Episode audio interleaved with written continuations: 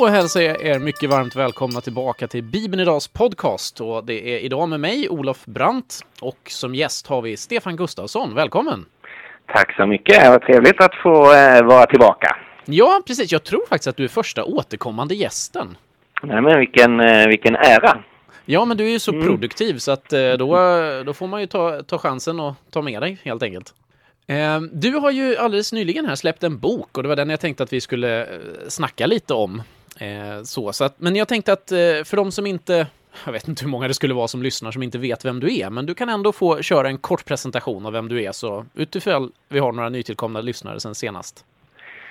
Eh, min eh, dialekt eh, förråder mig ju, ungefär som Petrus dialekt förråder honom vid kolelden. Nu är jag inte från Galileen utan från Skåne.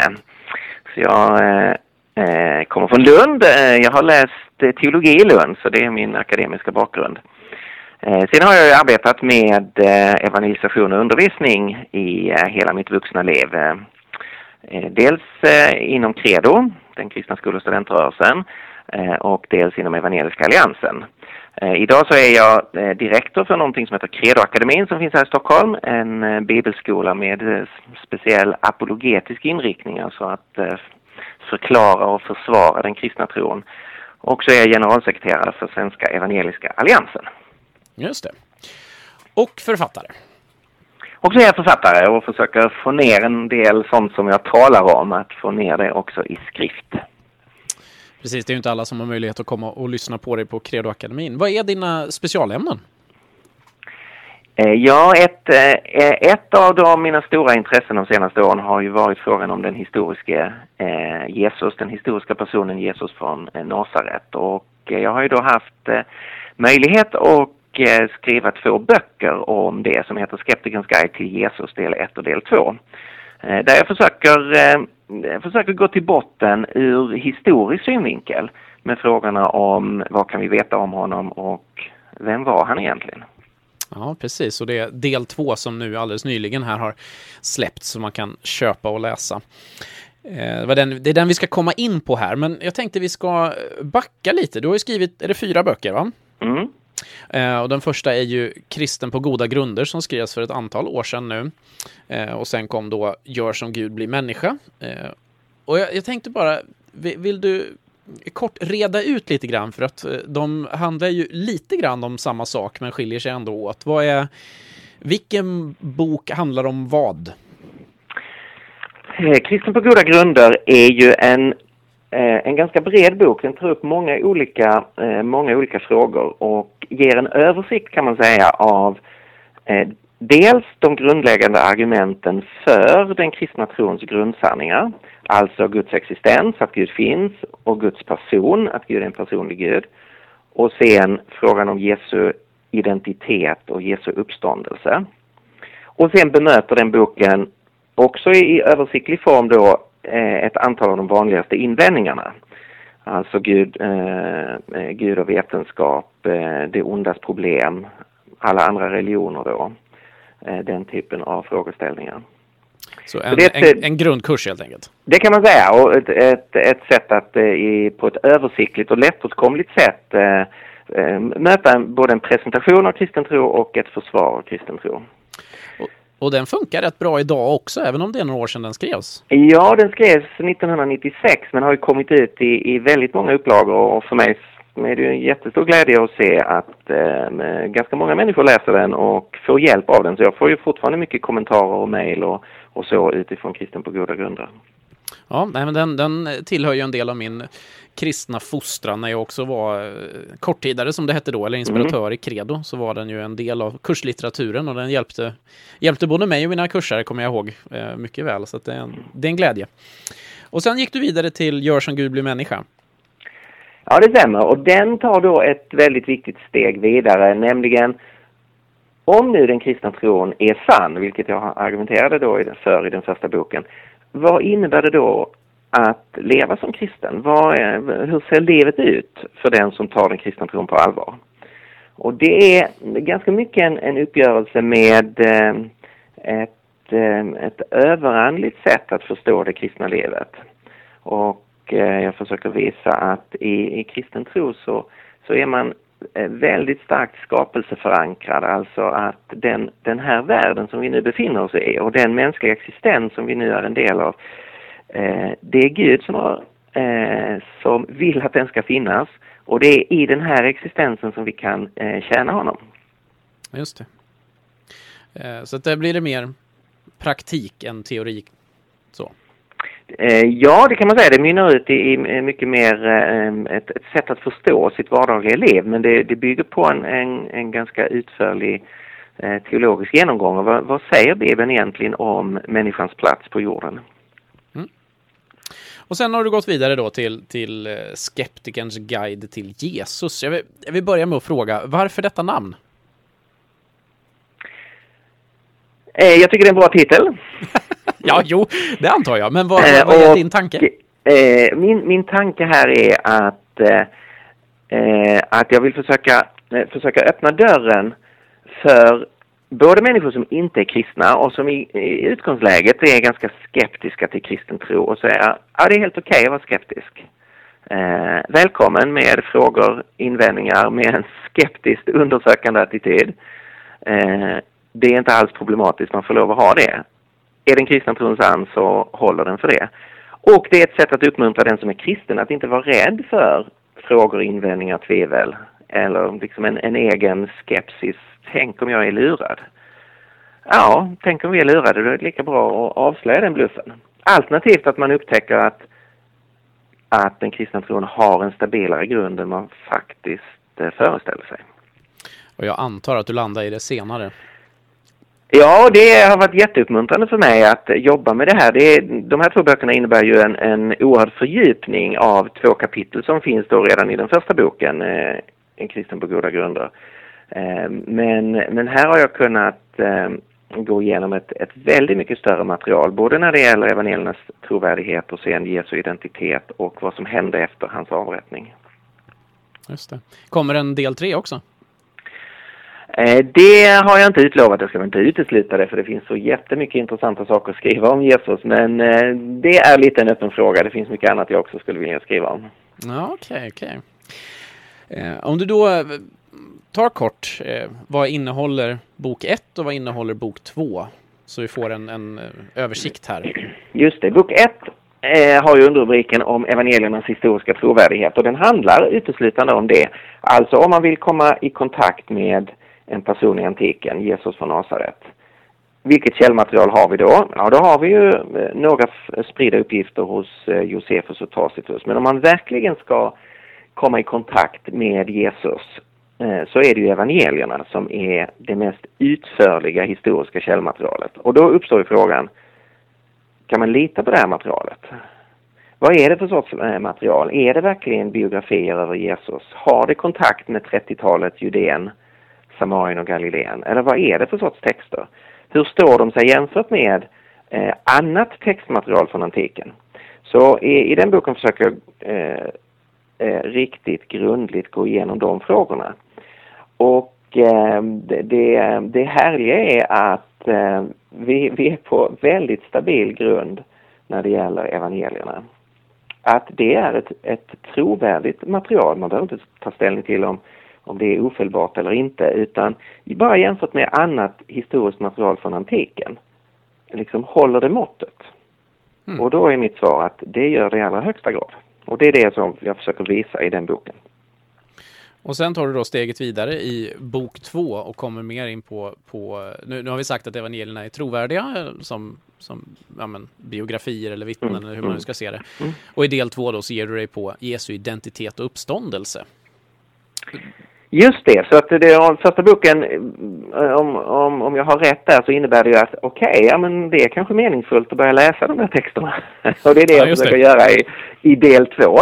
Och gör det utifrån två, två grundfrågor. Eh, Jesu identitet, hur ska man förstå den här personen? Eh, vad sa omgivningen om honom? Vad påstod han om sig själv? Och vad ska vi säga om honom? Eh, och det, det, det, är ytterligt slående i, ehm, i det historiska materialet om Jesus, det är ju att den här frågan är så central och att Jesus själv på ett ytterligt provocerande sätt gör anspråk på att vara någonting mycket mer. Han är ju absolut 100% människa, men att vara mycket mer än en profet, en lärare, en, ehm, en vishetsgestalt. Utan han talar på ett sätt så att han inkluderar sig själv i Israels Guds identitet. Mm. Och det är faktiskt det som till slut eh, får honom dömd till döden. Mm. Hur, hur mycket i, i boken handlar om, om man säger så här, nu var det identitet och uppståndelse. Mm. Hur är balansen i boken? Hur mycket pratar vi uppståndelse? Hur mycket pratar vi identitet före? Eh, jag har inte tittat på, på den exakta proportionaliteten där, men det är ungefär 50-50 så att ah, okay. eh, jag ägnar ungefär lika mycket tid åt, åt båda frågorna. Mm. Eh, och hela, man kan ju säga att de här två frågorna är, är relaterade på det sättet att frågan om vem han var och om hur man ska förhålla sig till hans anspråk avgörs ju ytterst sett i frågan om uppståndelsen. Mm. Om Gud inte uppväckte Jesus så kan vi utgå från att hans anspråk var inte sanna. Gud bekände sig inte till dessa eh, enormt höga anspråk utan Jesus blev dödad och förblev död.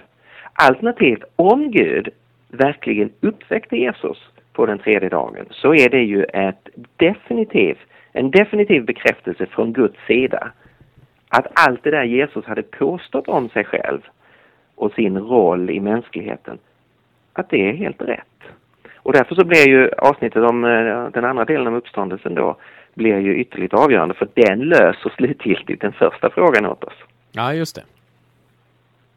Ja, om man eh, nu sitter och funderar, man har inte läst någon av dina böcker men man blir lite sugen. Kan man eh, hoppa rakt in i bok två eller bör man läsa dem i någon speciell ordning tycker du? Nej, man kan faktiskt hoppa rakt in i del två. De är skrivna som som två helt, eh, det är två helt fristående delar. Samtidigt som det finns en, en logik eh, så att säga. Eh, men där tycker jag att man, om man blir sugen på det så ska man ju börja med den, det området som man själv tycker är mest intressant. Ja, och, och, ta tag i det och sen kan man ju fortsätta med, den, med det andra området senare. Jag såg att ni hade dessutom ett bra erbjudande på hemsidan när man nu ändå, om man nu funderar på att köpa böckerna, du kan få nämna det med en gång. Ja, då kan man eh, ju köpa eh, båda böckerna till ett synnerligen eh, bra pris. Och nu blir jag lite ställd exakt vad det där priset är. Det är men det är, mycket kraftigt nedsatt så man gör en, en, bra affär om man köper båda på en och samma gång. Det är på kredoakademin.nu. Jag tror det är 330 kronor för båda. Något sånt och så är det dessutom fri frakt just nu. Och så är det dessutom fri frakt. Så det är ett, det är ett klipp klockrent att säga det i en podcast som kommer ligga ute på, på eh, hemsidan i kanske år. Men ja. Eh, just nu när vi intervjuar så är det ett bra pris. så är det, så är det.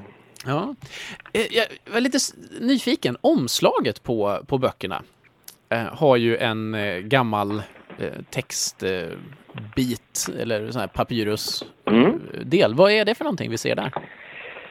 Eh, det är en vacker gammal handskrift och eh, som är som heter Chester Betty-papyren eh, och det är en av de äldre handskrifterna till Nya Testamentet som innehåller bland annat delar av Romarbrevet och Filipperbrevet.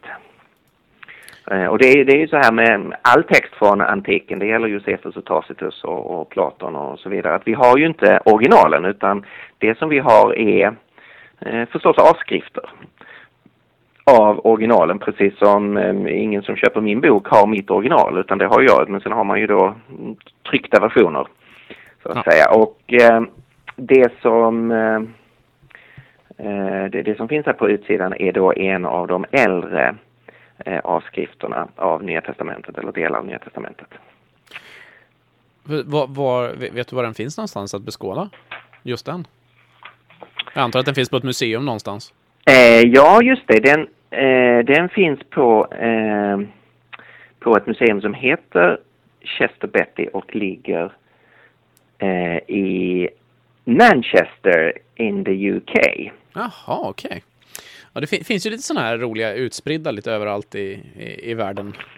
Ja, just det. Det är ju mycket attraktivt för, för museer och, och så att få tillgång till de här riktigt gamla, Ja. riktigt gamla texterna. Um, Un, ungefär som vi i Sverige, fast det då inte alls är på samma dignitet, tycker att Silverbeven i Uppsala är någonting speciellt. Ja, men precis. Ja, det, det är, jag har själv varit och jag tror att det är i, vet jag inte om jag ljuger här, men jag för mig att det är Dublin kanske, som det finns, eller nå, någonstans där, inte Manchester, men det också finns något så här riktigt gammalt.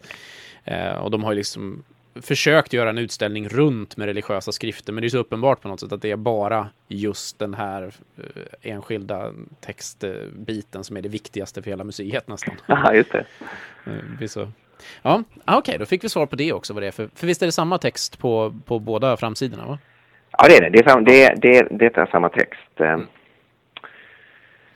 Ja, man, man kan ju om man inte vill ta ditt ord så kan man ju gå in och, och provläsa. Det finns eh, både förord och kapitel utlagda på, på Akademins hemsida på förlaget där om man vill titta lite på texten själv. Men jag tänkte vi ska ta ett, eh, ett exempel här. Nu är jag, nu är jag ut- ute på hal is. Jag har inte hunnit läsa boken själv, men jag ska se. Eh, det är ju så här att eh, vi har ju precis gått igenom påsken. Mm. Och eh, jag fick jobba en del med påsktexterna sådär och då, då möter man ju Eh, den här ganska, när det gäller framförallt uppståndelsens morgon, blandade floran av texter från fyra evangelister där man får de här problemen med en ängel eller två änglar och, och man får mycket att fundera kring där. Är det någonting som du tar upp i boken? Alltså de fyra evangelisternas bidrag till uppståndelsens morgon? Eh, ja, det är det. Eh, eh det. Det är det, så att jag, eh, jag, jag skriver om det. Och eh, det, där finns ju väldigt mycket intressant att och, eh, reflektera över. Alltså, ofta framställs det här som att eh, uppståndelsetexterna skulle vara motsägelsefulla. Eh, var, det, var det en kvinna, Maria från Magdala, eller var det flera kvinnor? Var det en ängel eller var det flera, eh, flera änglar? Eh, och det man, det, det, det man först ska säga här, det är att om man jämför det här med andra biografier i antiken, och en, Mm. en forskare som heter Mike Licuna har gjort en, en omfattande jämförelse med, med Plutarkos som är antikens främsta biografiskrivare. Han, vi har eh, 50 biografier bevarade från hans penna. Oj, vem skriver han om? Eh, han skriver om en massa kända personer eh, i, eh, i antiken och i fem av de här eh, biografierna han skriver så återger han samma händelse, nämligen eh, lönnmordet på Julius Caesar. Ja, det är en klassiker. Men han återger det inte identiskt. Utan i de fem skildringarna, som dessutom kommer då från samma författare, så finns den här sortens variationer. Och det bedömer forskare inte som att Plutarchus är förvirrad eller att han har fel, utan det tillhör de, den frihet som en biografiförfattare har att, eh, att förkorta en text eller att eh, vara mer detaljerad och utförlig beroende på eh, vilket syfte man har med just den specifika texten. Eh, och de skillnader som finns då i återgivningen av Julius Caesars, av mordet på honom, är precis parallella till de skillnader man kan se mellan de fyra evangelierna och deras, hur de återger uppståndelsen. Alltså att det skiljer sig i några detaljer. Men det ska man inte betrakta som motsägelse eller felaktigheter utan som, bara som författarens frihet att arrangera sitt material.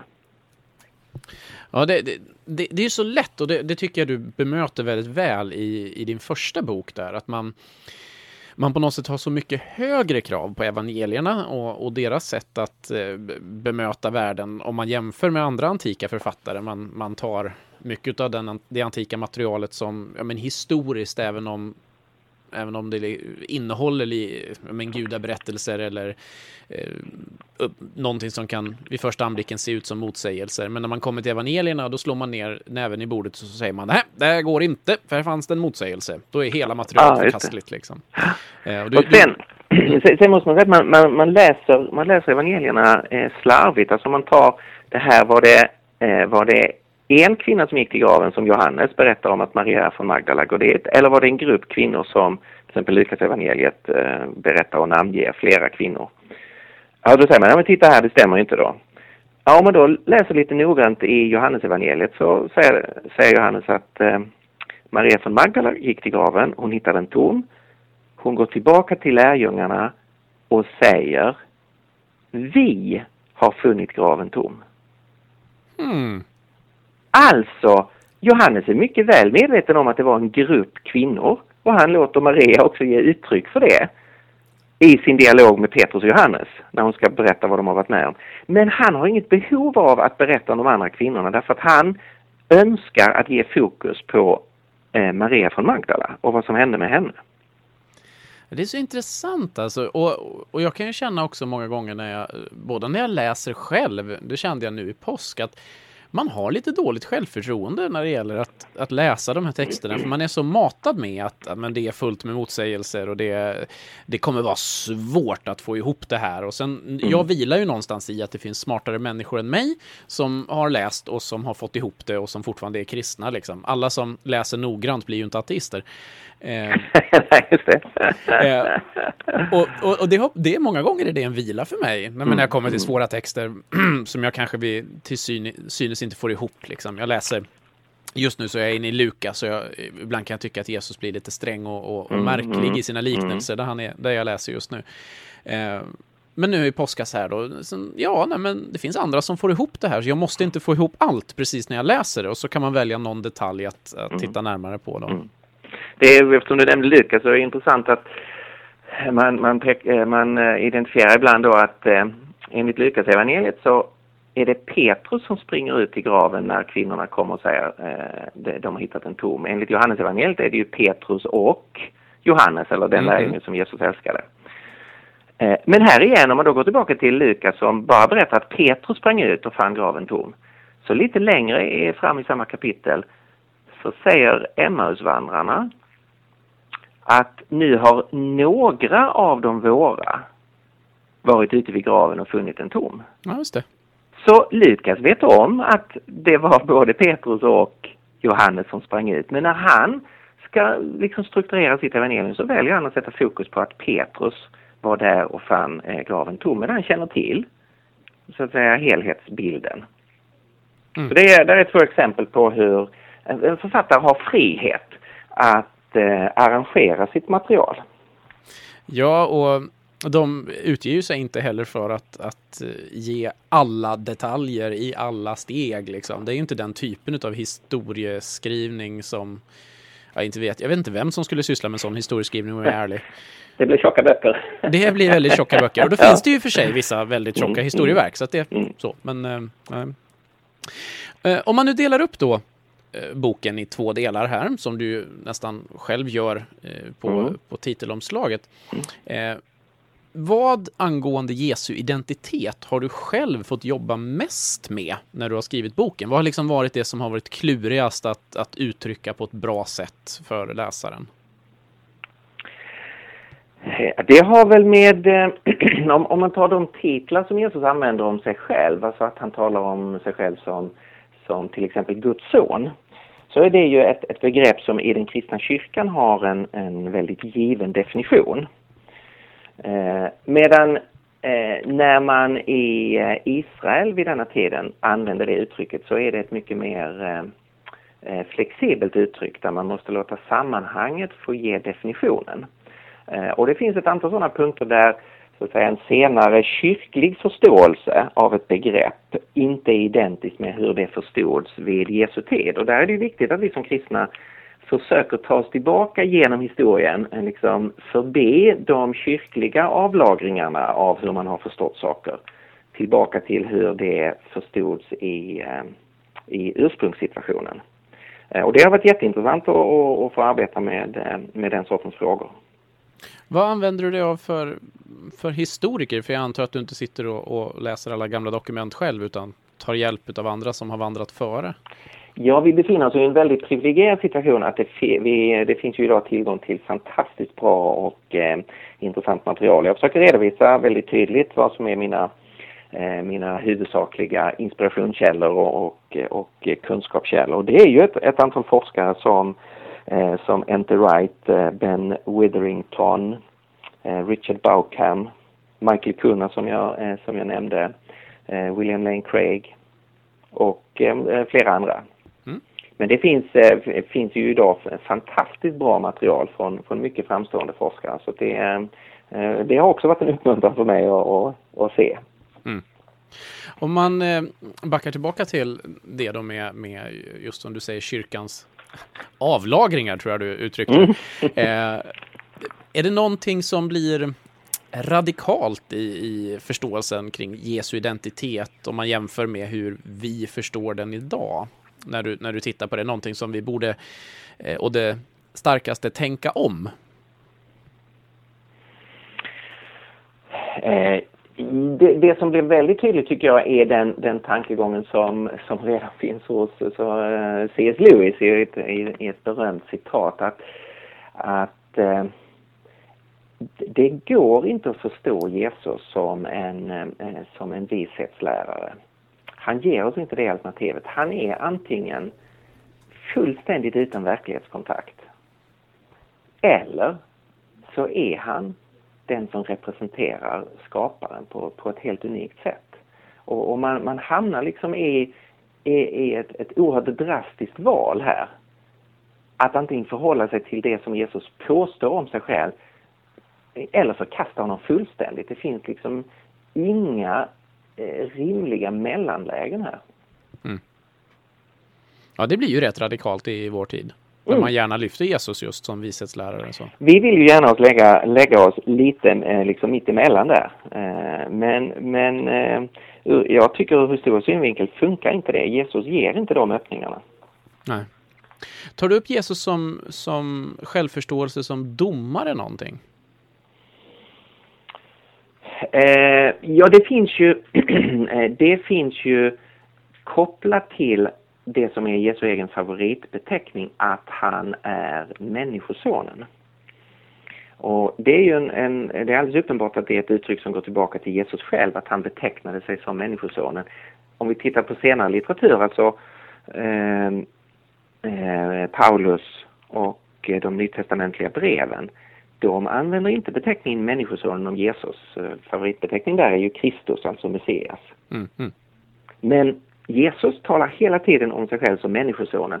Och det sker ju i anknytning till eh, en profetia i Daniels bok som har med en figur att göra som då kallas för Människosonen som eh, ska döma världen och härska sen över hela världen.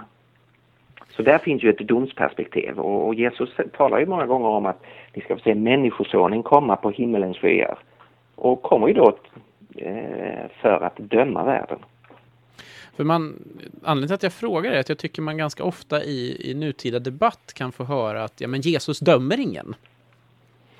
Och det kan man ju bara säga om man aldrig har läst evangelierna. Krasst talat. Jag menar, läs Matteus 23 och, och hur han fullständigt dömer ut det religiösa ledarskapet. Ja. Han är ju verkligen krass ibland. Alltså. Han är mm. väldigt tydlig. Jag menar, när, jag, precis som jag sa så är jag på väg genom Lukas här. Och, mm. och, och, det är så ofta han, han, han liksom verkligen tar en betoning på slutet av, av dom eller av Eh, alltså både vad ska jag säga, framtida dom men också dom i nutiden. Liksom, att de här är fariseer eller skriftlärda eller vem det är. Liksom, de, de gör så, det är så hemskt. Liksom. Mm, mm. Eh, så att, nej, jag, jag, men va, hur skulle du svara då? Om vi nu ställer dig i situationen här att vi, du, du möter en människa, en, en fiktiv människa här, som, eh, som säger till dig att, att eh, ja, men Jesus dömer ingen. Titta här hur han, hur han behandlar till exempel kvinnan som blir anklagad för äktenskapsbrott. Han säger ju till, till dem att ja, men den som är fri från synd, kasta första stenen då. Mm. Du ser ju här att han inte dömer någon.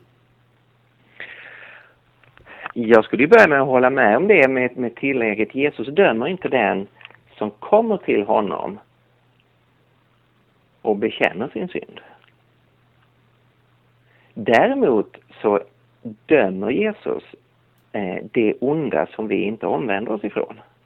Och eh, det som Jesus har allra störst problem med det är ju inte synd egentligen utan det är ju människors hårdhet och, och sen hyckleriet att man inte vill säga hur det är. Men alltså detta att man inte vill omvända sig, att man, man inte vill se hur situationen är, att i verkligheten är vi värda att vara under Guds dom. Och den som erkänner det möts ju av en helt sagolik nåd och barmhärtighet och kärlek från Jesus. Så den som kommer till honom kastar han inte ut, dömer han inte. Men från det kan man inte dra slutsatsen Jesus dömer överhuvudtaget ingen. Han talar ju också om sig själv som den framtida domaren som ska döma hela världshistorien. Så ehm, här blir min utmaning igen, ja men läs källorna, vi kan inte stå här och tycka om Jesus Eh, hit och dit, hur han var, utan vi måste ju låta källmaterialet få tala och prägla vår bild av honom. Mm.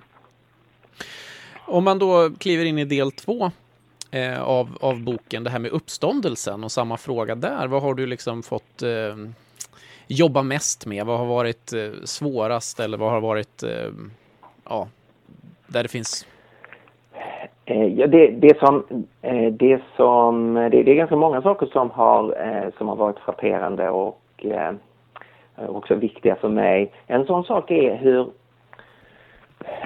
hur övertygande mötena med den uppståndne var för de första lärjungarna. De är i en helt annan kategori än drömmar och visioner. Vi kan läsa att Petrus och Paulus hade både drömmar och visioner. De i sin tur har ingen livsförvandlande effekt på den som får dem utan det är en dröm, en vision som kan vara viktig och vägledande i situationen och så. Men mötena med den uppståndna är en annan kategori. Det var verkliga möten med en fullständigt livsförvandlande konsekvens. Eh, och eh, jag försöker visa, eh, visa att det verkligen är så i, i Nya Testamentet att det, det går inte att kategorisera de mötena med den uppståndna som någonting som sker inuti personen. Alltså som att det skulle vara subjektivt eller psykologiskt. Utan det är en annan sorts händelse. Och det är därför den får så avgörande betydelse för dem. Vilket vi väl också ser som ett bevis på just uppståndelsen mm. i, i det långa loppet. Då. Så är det, så, och det blir ju ett, ett, ett bevis för, eh, för uppståndelsen. Men då skulle jag vilja ställa dig, eh, nu när vi är på väg att avrunda här, en fråga. Per-Erik Aronsson intervjuade vi här senast i podcasten och han eh, fick då uppdraget att ställa en fråga till dig. Och han undrar lite grann, hur brukar du höra Gud tala eller hur känner du igen Guds vilja? Om vi nu kopplar an till Jesu mm. uppenbarelse här. Just det. Eh, jag har väl inte precis erfarenhet av att, av att uh, höra Guds röst i någon sorts uh, fysisk mening. Men däremot så har jag, så har jag ganska många erfarenheter av att, att uppleva att Gud vägleder och talar till mig fast då på ett annat sätt. Dels genom, eh, genom, eh, genom hans ord. Att man plötsligt eh, känner, förstår att det är någonting som möter en i bibelordet som talar till en. Eller via en förkunnare som lyfter fram någonting i, i gudsordet. Eh, kanske allra vanligast är det ju att eh, när man själv är i bön att man plötsligt får en, en så stark visshet om någonting speciellt. Att nej, men det är det här valet jag ska göra, nej men det är den här vägen jag ska gå. Det är så här vi måste lösa det här problemet. Eh, och det kommer som en, kanske som en, en, ett resultat av både reflektion och, och eget tankarbete och bön. Och så plötsligt uppfattar man det som en bekräftelse från Guds sida. Så man känner en, en visshet. Mm. Ibland så är det så att den vissheten får man inte i förväg. Ibland så får man ju, eh, man får gå i tro och säga till Gud, det här är det bästa som jag förstår situationen, nu kommer jag agera, stoppa mig eller öppna dörren, men jag har ingen annan chans än att fatta ett beslut nu. Och så får man kanske en bekräftelse i, i efterhand. Det. det. ser ju lite olika ut. Mm. Då ska vi faktiskt ta avrunda här. Eh, jag tackar dig så otroligt mycket för din tid eh, och rekommenderar alla nu att gå och köpa boken för att det här är tycker jag då, om jag, nu har inte jag läst den här boken, men jag har läst dina andra böcker och, och vet att du är väldigt duktig på att kommunicera och ge verkligen möjlighet för, för läsarna att, eh, att ta till sig av eh, det här budskapet. Så eh, tack så mycket för din tid. Ja, men vad roligt att få vara med. Eh, tack själv. Så hörs vi väl när du skriver nästa bok om inte annat? Absolut, det gör vi. Ha det bra. Ha det gott. Hej. Hej. Ja, men då tackar vi Stefan Gustafsson för eh, den intervjun. Vi ska ta och avrunda här lite grann ifrån eh, från mig. Jag tänkte nämligen tipsa er om några saker som vanligt så här i slutet, så eh, stanna kvar. som sagt, gå gärna in och titta på Credoakademins hemsida där ni hittar eh, både Stefans böcker och andra böcker lite grann på samma tema. Eh, där man då kan köpa böckerna också. Eh, vi ska säga det här, eh, Chester Betty-biblioteket som vi pratade om, det visade sig att vi faktiskt pratade om samma ställe. Eh, han, han hör av sig här, Stefan, spelar in den här avslutningen och säger att vänta nu, ligger det verkligen i Manchester? Nej, vi pratade om samma. Det ligger i Dublin i Irland, så att vi hade varit på samma ställe. Det kan ju vara värt om man nu... Ni behöver inte planera en resa till Manchester för att se det eftersom att det inte är där det finns just nu. På Bibeln Idags hemsida hittar ni resten av podcastintervjuerna om ni kanske vill lyssna på förra intervjun med Stefan Gustafsson till exempel finns det ett arkiv där. Ni kan prenumerera på podcasten via iTunes eller via andra tjänster som eh, använder sig av iTunes eh, bibliotek och sådär. Man kan prenumerera på hemsidan och vi har också Soundcloud-konto för de som använder det. Där finns dock bara de senaste podcastarna ute, så vill man ha resten får man gå till hemsidan och leta. Med det så avslutar vi dagens podcast och jag tackar så otroligt mycket för att ni lyssnar. Och har ni några önskemål, antingen på innehåll eller på de som vi ska intervjua, så är det bara att höra av sig så ska vi se vad vi kan göra. Kan ju inte lova att lösa allt, men jag kan alltid lösa något. Tack och hej!